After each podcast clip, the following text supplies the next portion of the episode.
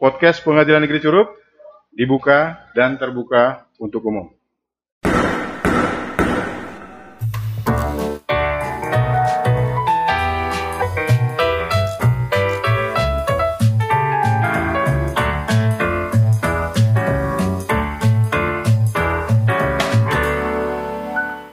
Sobat pengadilan, Assalamualaikum warahmatullahi wabarakatuh. Salam sejahtera untuk seluruh sobat pengadilan, pengadilan negeri Curug.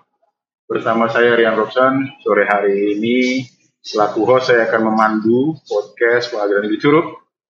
Yang mana sore hari ini kita kedatangan tamu istimewa. Beliau seorang hakim yang sejak 2018 eh, bertugas di pengadilan negeri Curug. Sebelumnya pernah bertugas di pengadilan-pengadilan negeri lain yang tentunya dengan segudang pengalamannya akhirnya bersandar di sini dan sebentar lagi akan akan meninggalkan kami ya di sini akan pindah ke Mahkamah Agung menjadi staf khusus eh, wakil ketua Mahkamah Agung bidang yudisial. Baik kita sambut saja Bapak Nur Ihsan Sahabudin SH. Oke, Pak. Gimana kabarnya, Pak? Alhamdulillah sehat. Sehat-sehat aja, Pak ya. Baik. Oke, saya di sini kita coba ngobrol-ngobrol sedikit, Pak. Oke. Eh, sejak 2018 di Badan Yusuf ya, Pak. Exactly September 2019. September 2018. Yes. Waktu itu sebelumnya di mana, Pak? Sebelumnya di Pengadilan Negeri Tenggarong dan sebelumnya lagi di Pasangkayu dan pertama kali diangkat sebagai hakim tahun 2009 di Pengadilan Negeri Tahuna. Jadi udah lama sekali dari hakim ya, Pak? Ya, kalau dibilang lama, banyak yang lebih lama dari saya. Oh, siap. Oke. Boleh cerita sedikit, Pak? Saya penasaran juga. Menurut Bapak tuh profesi hakim, Bapak jadi hakim ini karena panggilan jiwa atau merasa apa, gimana gitu? Ya, saya sebut saja dosa sejarah sebenarnya. Dosa sejarah maksudnya Karena gimana? dosa turunan, bawaan turunan. Turun. orang tua hakim maka dia akan mengikut kepada anaknya apalagi saya adalah anak pertama jadi kan orang tua saya hakim ya tidak ada pilihan bukan tidak ada pilihan framing berpikir itu sudah terfokus bahwa akhirnya saya juga menjadi seorang hakim seperti itu Oh, jadi kayak dipaksa gitu ya, Pak? Eh, bukan dipaksa framing framing alamiah Oh, jadi sudah diarah-arahkan gitu ya, Ah, Pak? sudah terframe dia Oke, kalau tadi di eh, cerita bagaimana menjadi seorang hakim, eh, terus ada unik atau menarik nggak selama jadi hakim, Pak? ya yang artinya apakah pernah ditempatkan yang tempat yang paling terpencil kah atau bagaimana? di masa itu ya di masa itu boleh dibilang kalau anda misalkan pernah nonton iklan eh, salah satu mie instan itu ada namanya dari Sabang sampai Merauke dari Miangas sampai Pelorote nah salah satu titik di Miangas itu atau disebut dengan Kabupaten eh, Sangir Talaut atau Sangihe Talaut itu saya pernah bertugas di situ Di Talaut ya Pak? Itu kayak paling Saya- ujung Indonesia ya Pak? ujung utara Ujung utara sih ya. ujung utara Republik Indonesia negara apa wilayah kepulauan yang uniknya adalah eh, bagaimana kemudian eh, melakukan proses penyelesaian perkara di wilayah yang parsial-parsial tempat tinggal penduduknya. Oh di pulau-pulau gitu terpisah-pisah. Yes, utamanya untuk mengejar target penyelesaian perkara. Sementara kadang masyarakat itu memiliki kendala alamiah dan juga kendala non alamiah untuk untuk bisa hadir ke persidangan. Oke, jadi sulit ya meng- bagaimana menyelesaikan perkara, tapi lokasinya sulit, kemudian masyarakatnya juga terpencil seperti itu ya Pak. Menarik sekali Bapak. Oke Pak, eh, sebagaimana materi yang sudah kita persiapkan bahwa kita akan menjelaskan mengenai pelayanan pengadilan negeri Curug. Ya, saya tahu Bapak sebagai pengawas PTSP Pengadilan Negeri Curug. Nah, kalau masyarakat awam itu, bisa nggak Bapak jelasin secara sederhana aja PTSP itu apa sih Pak sebenarnya? Ini saya akan berikan gambaran sederhana sebelum eh, Mahkamah Agung mengeluarkan me- mencanangkan visi dan misi Mahkamah Agung 2010-2035 anggaplah dalam dalam kurun waktu 2009 sampai 2005 itu saya mengambil space itu karena itulah saya bekerja di pengadilan. Tapi uh, sejujurnya untuk persoalan ini saya sudah sering karena orang tua saya hakim, saya sering berinteraksi di di kantor ayah saya dalam artian sejak kecil yang namanya anak hakim ikut dengan ayahnya. Oke. Okay. Uh, Anda bisa membayangkan di masa itu pengadilan adalah uh, merupakan image image dari image dari masyarakat itu seperti, seperti black hole, lubang hitam. Enggak paham itu sama sekali, enggak ngerti sama sekali. Anda akan bingung. Oh. Anda akan bingung ketika ingin mengurus sesuatu mesti ke mana, ke mana menghadap siapa, apa prosedurnya, seperti itu. Buta gitu ya, Buta, Buta sama sekali. Ya. Okay. Karena dia bukan orang memahami bahwa pengadilan itu bukan sebagai lembaga administratif. Dia bukan pelayan masyarakat gitu ya, ya bukan ya. Dia adalah tempat orang menghukum. Dihukum betul. ini lembaga sebenarnya ngeri. Mengerikan ya? Mengerikan. mengerikan. Mengerikan. Nah kemudian uh, ya terlalu dan juga beberapa uh, itu dulu tapi ya, itu narasi narasi dulu narasi ya, narasi, narasi, narasi negatif yang kemudian ditimpakan ke uh, lembaga peradilan ya. Yeah. tentunya setelah uh, terjadinya secara historik ada namanya uh, peristiwa reformasi tahun reformasi uh, tahun 2098 sampai dengan tahun 2000 yang yang membawa kemudian arus perubahan beberapa lembaga negara. Siap. Salah satunya adalah Mahkamah Agung. Mahkamah. Ada ada satu. Uh, mencoba untuk melakukan perubahan mindset. Perubahan mindset. Di, di Mahkamah Agung untuk meraih yang namanya kepercayaan masyarakat. Kepercayaan.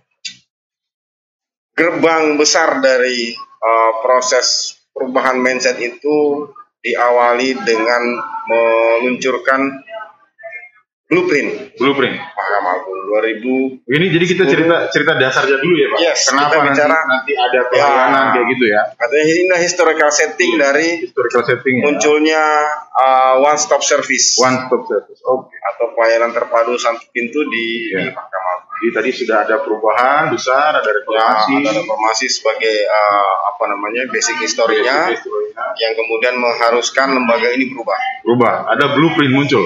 Kemudian di diawali dengan langkah yang uh, sangat tepat ya dengan memunculkan blueprint 2010-2035 termasuk birokrasi reformasi birokrasi di situ ya? termasuk dalam halnya itu. Nah kemudian di sini melalui SKDJU ya SKDJU nomor 7 ya Dirjen Umum untuk Lembaga Peran Umum nomor 77 2018 bagaimana dirubah dengan SKDJU nomor 3239. Oke, kita perlu jelasin ya sama pendengar podcast bahwa pengadilan negeri itu di bawah Direktur Jenderal Badan Peradilan Umum. Yes. Oke. Ah, secara internal ya. Iya, jadi secara, aturannya juga mengikat dari ya. Dirjen Badilo. Maka keluar aturan tadi ya. Secara global Mahkamah Agung menerbitkan SK 026 KMA SK 2012 tentang standar pelayanan, standar pelayanan pengadilan. Kemudian aturan ini di breakdown lagi memunculkan untuk di lingkungan peradilan umum memunculkan SK DJU nomor 77 2018 sebagaimana dirubah menjadi SK DJU nomor 3239 2019. Ini merupakan basis standar dalam hal memberikan pelayanan di lembaga peradilan. Di lembaga. Jadi uh, itu itu dasar ya. Itu dasar hukum itu dasar. Terus kalau kita mau jelas mau mau tahu SP itu apa sih gitu? Baik, PTSP itu sebenarnya ini uh, bahasa sederhananya anda ketika masuk ke pengadilan iya. tidak perlu keluyuran ke mana-mana. Ke mana-mana. Anda cukup sampai di front office, segala kebutuhan administrasi mengenai administrasi umum maupun perkara akan dilayani di, layani di PTSP. Anda tidak perlu Jadi nanya. kalau kalau pendengar podcast kita yang lihat podcast kita ingin dapat layanan atau tahu penasaran pengen tahu pengadilan dia cukup datang yes, ke PTSP ke PTSP semua.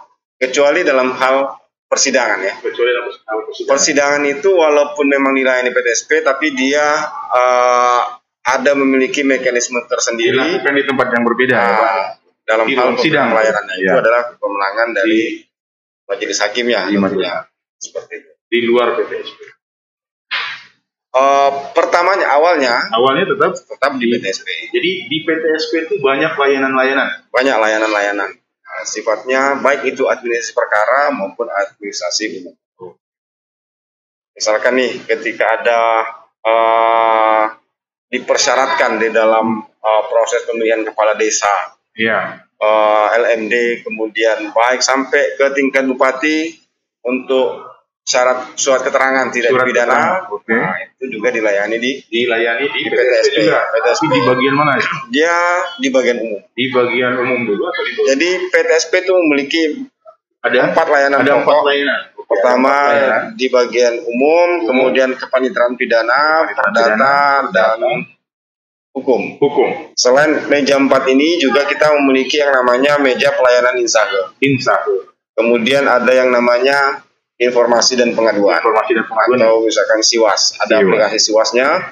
Yang kemudian ada namanya pojok ikot. Ini Pojok untuk layanan perkara perdata. Misalkan ada orang yang ingin mengajukan eh, gugatan perdata secara elektronik, Ya. maka dia bisa melakukan registrasi atau pendaftaran Oke. perkaranya melalui aplikasi ikot dan pengadilan menyediakan perangkat untuk bisa memberikan akses kepada para pencari keadilan untuk masuk ke aplikasi gugatan perdata itu sederhananya misalnya kayak apa Gini, eh, misalkan gini, Anda memiliki sengketa utang piutang, misalkan. ada masa utang-utang piutang tidak jadi dibayarkan. bisa tuh ya kita ajukan gugatan Yes, apalagi kan. Kemudian misalkan masalah eh, sengketa hak atas tanah. Saya jadi kalau kita ada yang tetangga yang tetangganya ada masalah tanah bisa tuh ya yes Pengadilan. bisa. Masuk banget. Itu penyelesaiannya di di pengadilan. di pengadilan kemudian ada yang sederhana sederhana itu Nah, eh, itu global menyangkut proses atau eh, bentuk penyelesaian sengketa. Nah, oleh Mahkamah Agung penyelesaian sengketa ini bagi dua, yang biasa dan ada yang disebut dengan gugatan sederhana. oke Gugatan sederhana secara filosofi itu eh, bagaimana agar proses penyelesaian ya iya sederhananya itu adalah eh, diterjemahkan atau ditafsirkan sebagai mempersen, eh, menyederhanakan, mempersingkat proses. mempersingkat. dari yang tadinya lama menjadi Oh, bukan lama sebenarnya. Lama lama itu juga tentatif. relatif ya Lama itu hitungan waktu yang tentatif. Walaupun Mah- Mahkamah Agung telah mengeluarkan kebijakan tentang eh, limitasi dalam hal penyelesaian satu perkara perdata. Misalkan sekarang ditentukan lima tahun, eh lima bulan. oke Setelah lima bulan kemudian majelis wajib melaporkan penyelesaian perkaranya. Namun yang menjadi substantif di dalam gugatan sederhana itu bukan persoalan lamanya, tapi prosesnya. Hmm. Kalau gugatan biasa itu prosesnya mulai dari gugatan, mediasi, apa namanya pendaftaran, kemudian sidang pertama, mediasi, pembacaan gugatan, jawaban, replik, duplik, re-replik, bahkan ada yang sampai reduplik seperti Iya. Yang ah, memakan panjang Panjang prosesnya panjang prosesnya. ya? panjang namun di dalam gugatan sederhana setelah sidang pertama diupayakan mediasi tetap ya dan dibacakan gugatan sekaligus dengan juga memberikan kesempatan untuk jawaban tanpa ada proses replik dan duplik serta beberapa hal yang ada di dalam gugatan biasa dipangkas di dalam gugatan sederhana. Misalkan tidak memungkinkan adanya gugatan rekonvensi. Ya ya seperti itu. Jadi eh, gugatan sederhana ini lebih mudah menyederhanakan, Menyederhanakan proses prosesnya. dari eh, tapi sebagaimana ada beberapa syarat-syarat juga ya pak. Yang Ya, yang- tentu saja ada beberapa syarat karena memang tipikalnya sederhana. Hmm. Ini jadi juga- tidak bisa semua perkara Yes, disederhanakan yes, ya artinya ini juga harus dipahami oleh masyarakat bahwa ada beberapa hal yang menjadi syarat dalam penyelesaian gugatan sederhana. Ketika anda ke PTSP pun akan mendapatkan informasi yang seperti itu. Misalkan nilainya tidak lebih dari 500 jadi nanti bisa tanya di juta PTSP ya di PTSP. Nah, dia akan jelaskan syarat-syaratnya bahkan petugas PTSP dalam hal menerima layanan juga akan memeriksa apakah sebuah permohonan misalkan ini memenuhi syarat untuk diterima. Walaupun ada ketentuan di dalam Undang-Undang Pokok Pasal Kehakiman bahwa hakim atau pengadilan tidak boleh menolak suatu perkara hanya karena tidak ada dasar hukumnya. Tapi ingat ini frame-nya adalah perkara. Jadi kalau misalkan ada orang yang mengajukan permohonan perpanjangan KTP kan tidak masuk dalam main pengadilan. oke Seperti itu kan. Tidak masuk di main terpaksa kita Nah, harus diserahkan ke capil ya Dukcapil. oke Nah, itulah. ya pak oke kita lanjutkan pak sedikit Eh, PTSP tadi sudah ada pengertiannya kita tahu bahwa PTSP itu tempat untuk kita mendapatkan layanan-layanan dari pengadilan dari masing-masing layanannya. Uh, kemudian jam layanannya Pak? Uh, jam layanan untuk PTSP dimulai dari uh, secara normatifnya jam kantor 08.00 waktu Indonesia Timur Tengah Barat yeah. dengan waktunya. Mulai dari istirahat siang. Nah, ya? kemudian istirahat jam 12 sampai dengan 13. Setelah itu dilanjutkan lagi layanan sampai pukul sebenarnya normatifnya itu adalah pukul 15 yeah. 15.00 karena uh, ada beberapa hal yang kemudian harus diselesaikan pula oleh uh, oleh oleh petugas Tapi tetap sampai pukul 16.30 ketika ada layanan yang ingin diselenggarakan tetap diberikan. Saya kira seperti Oke. Selain PTSP Pak, uh, menurut Bapak uh, ada nggak inovasi-inovasi lain yang diberikan oleh pengadilan negeri Curug yang bisa diakses masyarakat? Misalnya kalau masyarakat kan banyak Pak, lu saya kena tilang kalau ke pengadilan negeri, ya kan? Yes, nah. uh, kita punya ya namanya sekarang segala sesuatunya hampir bisa dibilang masyarakat itu di angka 70 sampai 80 persen sudah menguasai IT dalam pengertian IT sederhana. Ya, teknologi ya, ini uh, penguasaan ya, handphone, ya, gitu ya, handphone ya, Pak. Kita punya aplikasi namanya WAET, WAET, misalkan seperti ini, Etilang. Yes, exactly. WAET ini untuk masyarakat yang kemudian bermasalah dengan hukum dalam hal pelanggaran lalu lintas bisa mengakses uh, untuk mengetahui misalkan denda tilangnya. Jadi dia bisa lihat kapan ya kapan di, disidangkannya tilang itu. Ya. Dan kemudian uh, di mana tempat mengambil barang bukti. Ya. Misalkan kalau yang disita oleh polisi pada saat dilakukan tindakan pelanggaran itu adalah SIM atau STNK atau ya. kendaraan bermotor yang bersangkutan. Bisa mengakses melalui nomor yang tertera dalam aplikasi YT ini. Itu salah satu bentuk layanan yang diberikan kepada pengadilan, intinya untuk memudahkan masyarakat tidak perlu lagi untuk mendatangi kantor pengadilan kemudian menanyakan membaca denda tilangnya gitu ya pak? Ya seperti di sana nanti tinggal ngambil di yes. kantor kejaksaan ya kalau ya di kantor kejaksaan pengadilan. kejaksaan nanti dibayar di sana. Ya udah selesai. di sana. Yes jadi tidak perlu hadir ke kantor persidangan kecuali kalau dia mengajukan keberatan terhadap tilang. Keberatan masih bisa ya, Pak? Ya? Masih bisa. Namun untuk keberatan itu di dipersyaratkan diajukan saat minus satu sebelum hari tanggal sidang. Sebelum satu hari sebelum sidang. Tanggal sidang, yes. Supaya nanti uh, petugas administrasi perkara itu bisa menyiapkan perkara dimaksud untuk dilaksanakan sidang secara manual. Masih bisa diberi kemungkinan seperti itu ya? Ya, kalau ada orang yang keberatan. Hmm. Keberatan dalam artian bahwa dia merasa dia tidak melanggar kemudian ditilang. Oh. Yes.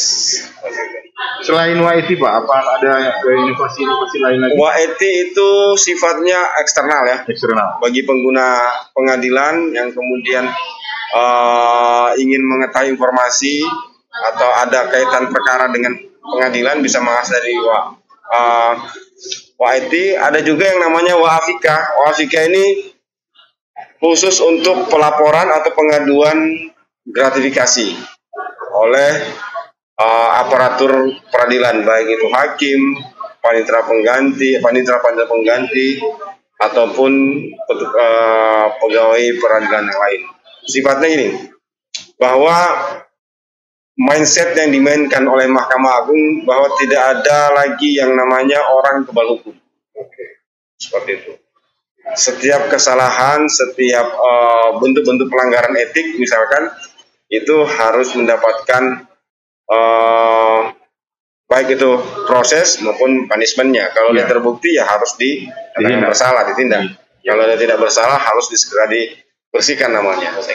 Sehingga masyarakat punya akses juga misalnya punya akses. ada penyimpangan ada penyimpangan penyimpangan yes. misalnya dilakukan oleh aparat pengadilan yes. bisa nah. mengajukan atau melaporkan melalui WA ini. Ya namanya WAATK WA Afrika Afrika yes. Jadi masyarakat yang merasa bahwa kok saya nggak nggak begini ya harusnya? Ya, kok pegawai pengadilannya begini? Atau misalkan ada masyarakat, contoh misalkan pihak berperkara kemudian eh dimintai duit misalkan. Iya. Yang umum saya lah, dimintai duit lah. yang sederhananya Itu gitu ya. hal tertentu, misalkan untuk dikabulkan gugatan, dikabulkan permohonan, atau misalkan dibebaskan dari hukuman. Hmm. Nah, itu kemudian bisa mengakses PA Afika ini Ya. untuk melaporkan adanya eh, dugaan tindak pidana gratifikasi. permintaan-permintaan gitu ya? Yes. Nah, Oke, jadi memang lumayan banyak inovasi-inovasi yang di ada di pengadilan negeri Curug ini, Pak. Dan eh, karena Bapak mau berangkat, ya dalam artian walaupun surat keputusan belum ada nih. walaupun kita dengan berat hati juga sih agak melepas-melepas orang yang potensial banget, Eh, tapi saya harus harus bertanya, apa nih pesan dan kesannya selama di pengadilan negeri Curug, Pak? Mungkin kesan dulu deh, kesan, kesan. Eh, ya artinya gini, ini bukan eh, personal identity ya, personal identification, tapi ini lebih pada eh, bagaimana mengajak masyarakat bahwa pengadilan di Curug telah melaksanakan apa yang kemudian menjadi amanah undang-undang dalam hal eh, memberikan pelayanan terhadap masyarakat. Eh, hendaknya masyarakat lebih meningkatkan rasa percayanya terhadap lembaga peradilan, biar bagaimanapun juga persoalan itu akan diselesaikan oleh lembaga peradilan. Oh. Cuman ada namanya antras. Tapi ya yakin saja bahwa pengadilan negeri Curug telah melaksanakan mekanisme dan tata cara penyelesaian sengketa atau apa pun namanya dalam hal urus administrasi secara terbuka, secara transparan, dan itu bisa dilihat di baik di beberapa, beberapa media, baik itu situs resmi, kemudian media-media sosial itu bisa diakses seperti itu.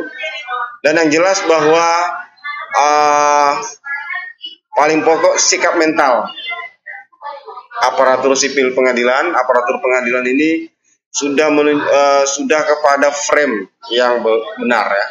Sudah frame pada ya, frame yang di, bingkai. di bingkai yang di dirancang. Oleh. Nah, harapan saya sebenarnya ini tetap dipertahankan. Oke. Spirit ini tetap dipertahankan, semangat ini tetap dipertahankan.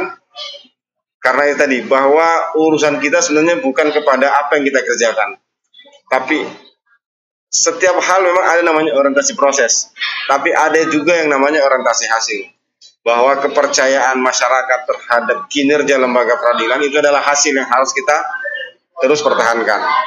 Hasil baik kepercayaan ini merupakan hal yang wajib kita eh, pedomani sebagai spirit dalam melaksanakan tugas keseharian. Bukan hanya lagi berbicara pada or- orientasi proses itu sifatnya internal, tapi ujung dari itu adalah eh, meningkatnya kepercayaan warga Rejang Lebong yang wilayah hukum dari pengadilan Curug terhadap kerja-kerja aparatur peradilan negeri Curug. Jadi trust kuncinya, kata kuncinya. Trust. Bagaimana kita membangun trust masyarakat kepada pengadilan negeri Curug supaya masyarakat tuh kalau punya permasalahan, ya percaya tuh datang langsung ke pengadilan negeri Curug. Yes, Jadi nggak ragu-ragu. Ah nanti saya hilang ayam sampai di pengadilan hilang Sapi. sapi ya bukan kambing ya. Sapi lah. Kalau dulu kan kambing gitu. ya. Nah, ada kambing. Dibawa ke ranah hukum jadi hilang. Yes. Oh. Jadi bagaimana dengan adanya PTSP Pengadilan Negeri Curug dengan inovasi-inovasi nanti bisa meningkatkan kepercayaan masyarakat khususnya Kabupaten Rejang Lebong kepada Pengadilan Negeri Curug Yes. sehingga juga nanti Pengadilan Negeri Curug bisa mewujudkan visinya menjadi pengadilan negeri yang Hebat. pengadilan negeri yang agung ya Pak. Ya, itu Dengan walaupun motonya hebat hebat. hebat.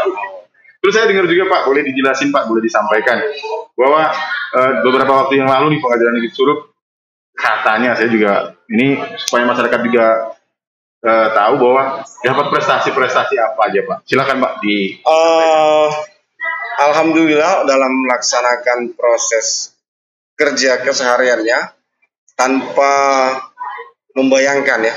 jadi nggak Jadi disangka-sangka. ya, istilahnya disangka. bekerja hanya bekerja dengan saja. berdasarkan apa yang menjadi beban kerja dan Dengan semangat SOP ya. kerjanya yang ada. Kemudian lembaga kita, lembaga Mahkamah Agung Republik Indonesia memberikan anugerah penghargaan terhadap eh, prestasi kerja di lembaga-lembaga peradilan di bawahnya. Ini juga satu poin yang penting bahwa eh, Anda bekerja dengan baik, maka Anda akan mendapatkan reward yang baik. Oke. Bahwa Pengadilan Negeri Curug berhasil mendapatkan peringkat Anugerah ke ya, ya, anugerah. anugerah peringkat ke satu untuk mediasi, Mediasi. kemudian peringkat kedua untuk gugatan sederhana. Jadi perlu di- dipahami bahwa penyelesaian sengketa itu tidak hanya pada mindset konflik, ya. Konflik harus menang kalah, win loss, tapi Tapi bisa win-win. ada ada pendekatan win-win solution, Win-win solution. yang ditawarkan melalui proses mediasi di pengadilan dan itu hal itu di di apa namanya dikumandangkan dan juga dilaksanakan dengan baik oleh aparatur di peradilan negeri Curug sehingga sangat wajar sekiranya kerja-kerja itu mendapatkan penghargaan dari pimpinan itu. Luar biasa. Kita plus dulu dong berarti. Oke. Oke, selamat buat pengadilan. Eh, kemudian juga Pak, eh, di pengadilan negeri khususnya di eh, bawah eh, Direktorat Jenderal Badan Peradilan Umum ini ada akreditasi penjaminan mutu. Nah, saya dengar juga bahwa akreditasi pengadilan negeri Curug ini sejak tahun 2017 itu sudah mendapatkan prestasi A excellent. Ini bisa Yes. dijelaskan apa itu Pak akreditasi penjaminan mutu? Jadi gini, eh pasca reformasi kembali lagi Iya, back iya. Oke. Ah, Historical lagi ya. historical lagi ya. ke belakang. dalam hal meningkatkan kualitas pelayanan, kemudian yang paling penting adalah kepastian dalam memberikan layanan, standar dalam pemberian layanan, yang bisa disebut dengan SOP, standar operasi prosedur. Kemudian tahapan-tahapan yang real terukur dan tercatat. Sehingga dilakukan satu proses yang namanya akreditasi penjaminan mutu dalam rangka menjamin bahwa semua proses yang dilaksanakan di satu lembaga peradilan itu sesuai dengan standar yang ia buat. Jadi ada standar-standarnya yang Yang ada standar-standar yang dia Gitu ya? buat. Ya, ya artinya bukan standar dia buat dalam pengertian dia sendiri yang mengarang standar itu. Standar itu sudah ada pakemnya. ada platform. Misalkan contohnya berapa lama sih diwaktukan, eh, dibutuhkan waktu untuk mengurus satu surat keterangan. Misalkan untuk poin pendaftaran saja. Pendaftaran butuh berapa lama? Sampai seorang eh, pengguna layanan itu memastikan bahwa apa yang dimohonkan itu sudah dilayani. Kemudian tidak perlu kan misalkan untuk hanya mendaftar surat keterangan kemudian mencatatkan dalam buku register sebelum terbitnya surat keterangan tersebut membutuhkan waktu satu hari kan nggak perlu seperti itu Oke. atau sampai setengah hari atau sampai tiga jam atau sampai dua jam. Dong pengguna layanan. Yes, Iya. ah dibuatlah SOP bahwa untuk itu cuma sekedar sepersekian detik Anda Oh. sudah terdaftar, kita proses, nanti sekian waktu yang dibutuhkan sesuai dengan SOP maka itu akan terbit. Oh. Sehingga hal ini Jadi kemudian tidak, tidak butuh waktu yang lama ya. Yes. Bisa lebih cepat karena ada standarisasi tadi. intinya bukan hanya kecepatan tapi ketepatan. Ketepatan. Cepat dan tepat. Ya, kalau cepat juga tidak tepat agak repot. Kalau tepat juga tapi tidak cepat juga orang akan Kecewa dong. ya istilahnya merasa bahwa dia terbebani dengan hal itu. Jadi harus cepat dan tepat. Selain itu juga ada namanya punishment and reward. Ketika ada kesalahan dalam memberikan layanan, ya ada Anda harus memberikan eh, garansi terhadap pengguna layanan. Pengguna layanan. Misalkan terlambat satu menit, ya Anda kasih air putih misalkan lah Minta maaf dulu. atau minta maaf Minta gitu maaf. ya yes ya minta maaf kita ya kita minta maaf Iya, minta dulu maaf. eh, 15 menit kemudian baru ke air putih Baru kita kasih apa lagi ya, ada Ya, sampai- semacam apa? Kalau di bandara itu ya, kalau, Ya. kalau penumpang yang menunggu terlalu lama, dia ada Ya. dapat kompensasi. yes Jadi di PT SW Pengadilan Negeri Jogja berdasarkan akreditasi tadi ada ya, Pak, ya? Ah, dia juga memberikan kompensasi dalam hal eh, keterlambatan atau adanya kesalahan dalam hal pemberian layanan itulah kemudian di, di, di, di- dilakukan proses penilaian ya sebenarnya penilaian terhadap eh, mutu layanan Oke. Jadi kalau saya dengar apa penjelasan-penjelasan Bapak ini sebenarnya masyarakat tuh nggak perlu khawatir, nggak perlu takut, nggak perlu apa merasa, waduh saya harus cari orang dalam nih kalau punya Yes. permasalahan, punya keinginan datang ke pengadilan, pengadilan itu wah saya harus cari-cari kontak orang kan nggak perlu ya berarti ya. Sekarang cukup datang ke pengadilan negeri, nanti di depan akan dilayani oleh satpamnya, masuk ke dalam, nanti akan ada petugas-petugas PTSP-nya yang melayani dengan ramah 5S dan 5S 3R 3R 5R 3S 5R maaf Pak sorry. Oke terakhir Pak.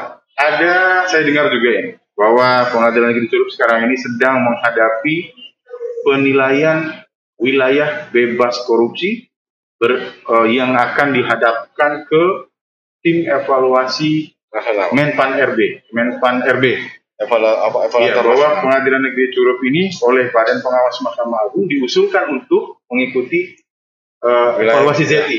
ZI ya. Bisa dijelasin Pak? Baik. Uh, kalau ingin dikatakan bahwa ini adalah puncak prestasi, sebenarnya ini adalah tahapan uh, akhir ya. Akhir dalam hal dalam proses. Namun di dalam uh, keberlanjutannya ini adalah tahap awal bahwa sebuah institusi negara atau lembaga negara atau apa pun ya, yang merupakan domain dari pemerintah itu hampir kesemuanya mengikuti atau masuk dalam zona integritas dalam hal memberikan pelayanan terbaik utamanya dalam uh, layanan yang bebas korupsi dan bersih, uh, melayani. bersih melayani. nah, Pengadilan Negeri Curup sebenarnya sejak dari tahun 2018 kalau salah itu sudah masuk dalam proses penilaian.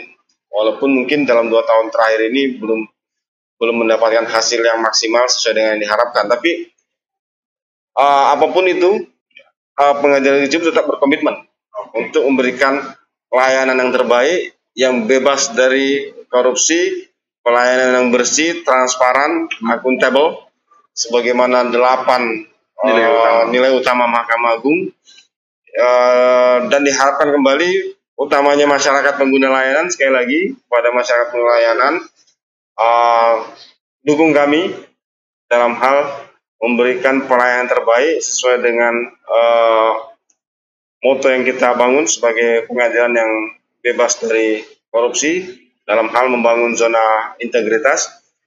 Dukungan itu dalam tidak hanya dalam bentuk mungkin misalkan mensupport secara basis data, tapi kemudian uh, menimbulkan rasa percaya diri dan juga yang terpenting adalah uh, tidak turut dalam melakukan praktik-praktik yang tidak terpuji. Oke. Okay. Di Jadi masyarakat jangan jangan berusaha ya, gitu ya. jangan berusaha. Walaupun insya Allah akan tertolak dengan sendirinya. Akan tertolak ya Anda berusaha kami akan menolak siap gitu luar biasa luar biasa jadi dalam rangka uh, menuju zona integritas tadi Siap. pengadilan negeri Jeruk sudah melakukan hal-hal yang sangat uh, baik ya ya istilahnya kalau hal nilai itu satu hal ikhtiar telah dilakukan tinggal kedua adalah tawakal tawakal dan maksudnya gimana tawakal itu artinya berserah diri dengan keputusan Tuhan oh. sudah lakukan ini semua hal yang kita lakukan hasil akhirnya kita tawakal karena bukan kita yang menentukan. Oke, terima kasih.